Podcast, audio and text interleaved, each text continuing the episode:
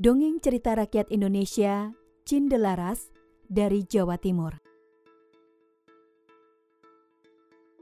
Pada zaman dahulu, di sebuah kerajaan Jenggala, hiduplah seorang raja yang bernama Raden Putra. Ia mempunyai seorang permaisuri yang sangat baik hati dan seorang selir yang cantik. Namun kecantikan selir tidak sama seperti hatinya. Selir mempunyai sifat yang sangat iri pada permaisuri. Kedua istri raja tinggal di istana yang sangat megah. Selir mulai merencanakan kejahatan untuk menggantikan posisi permaisuri.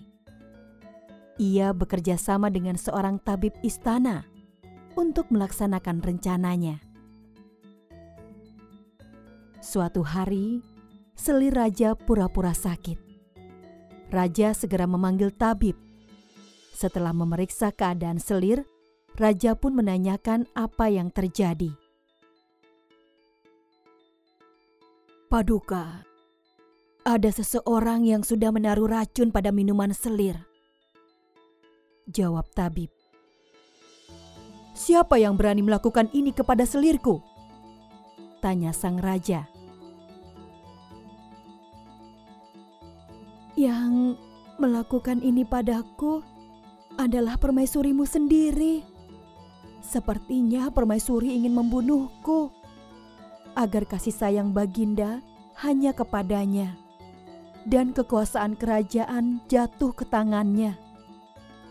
Jawab Selir Raja. Mendengar yang dikatakan Selir, Raja sangat marah dan langsung memerintahkan Patih untuk mengusir permaisuri yang sedang mengandung dan membunuhnya di hutan.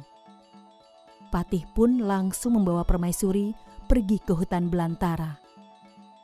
Namun, Patih yang sangat bijak itu tidak membunuh permaisuri. Ia tahu ini rencana jahat selir tersebut. Patih pun menangkap seekor kelinci. Permaisuri, aku tidak akan membunuhmu. Namun, hamba akan memberitahukan kepada raja bahwa Anda sudah hamba bunuh. Dan untuk membuktikan raja dan selir tuan putri bahwa Anda sudah mati, hamba akan membunuh seekor kelinci ini dan melumuri darahnya pada selendang milik permaisuri dan pedang hamba. Ujar sang patih. Aku sangat berterima kasih, Patih, karena kau tidak membunuhku dan membiarkan aku hidup. Jawab permaisuri. Permaisuri, saya terpaksa harus meninggalkanmu di hutan belantara ini seorang diri. Hamba mohon maaf karena tidak bisa menemani. Kata Pati.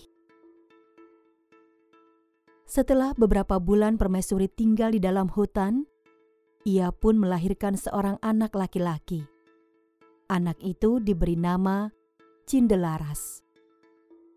Cindelaras tumbuh menjadi anak yang cerdas dan tampan.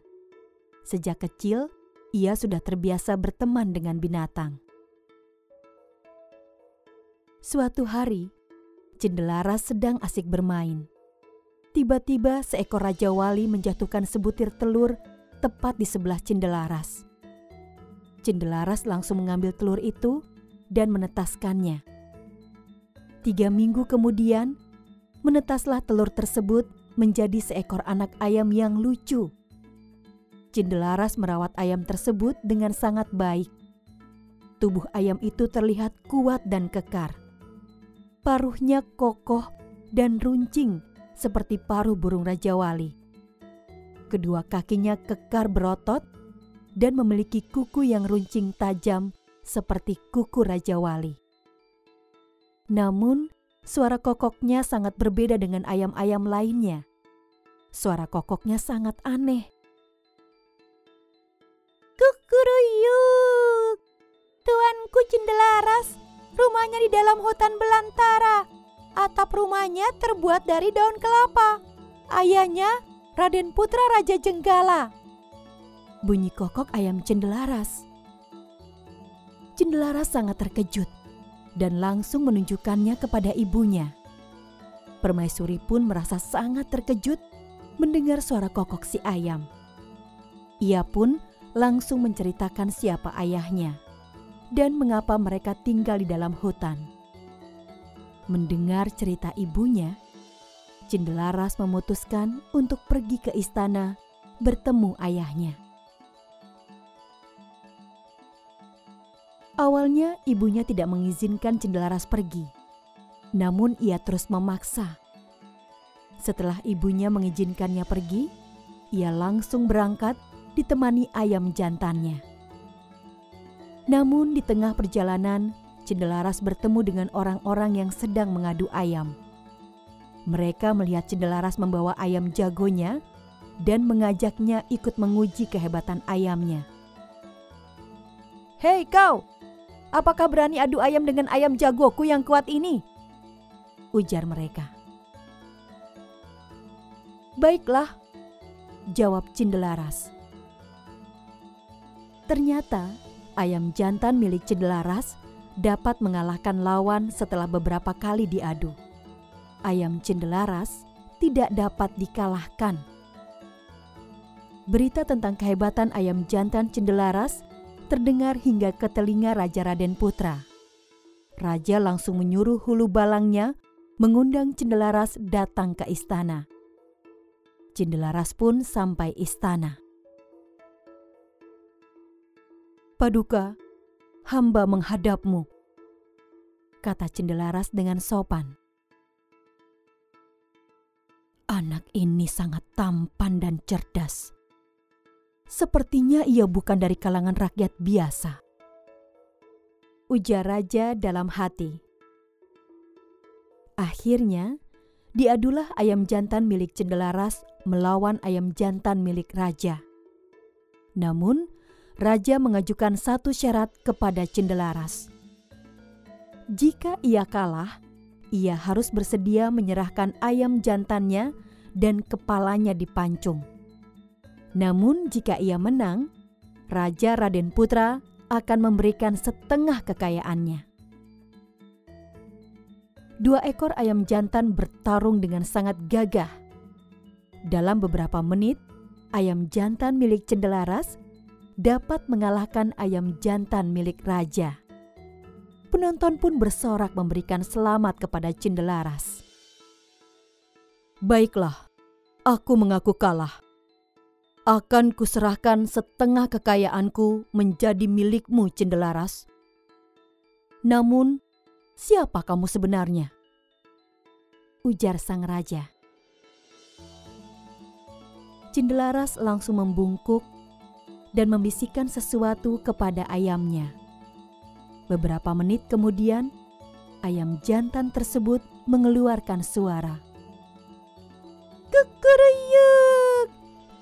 Cendelaras, rumahnya di dalam hutan, atapnya terbuat dari daun kelapa, ayahnya Raden Putra.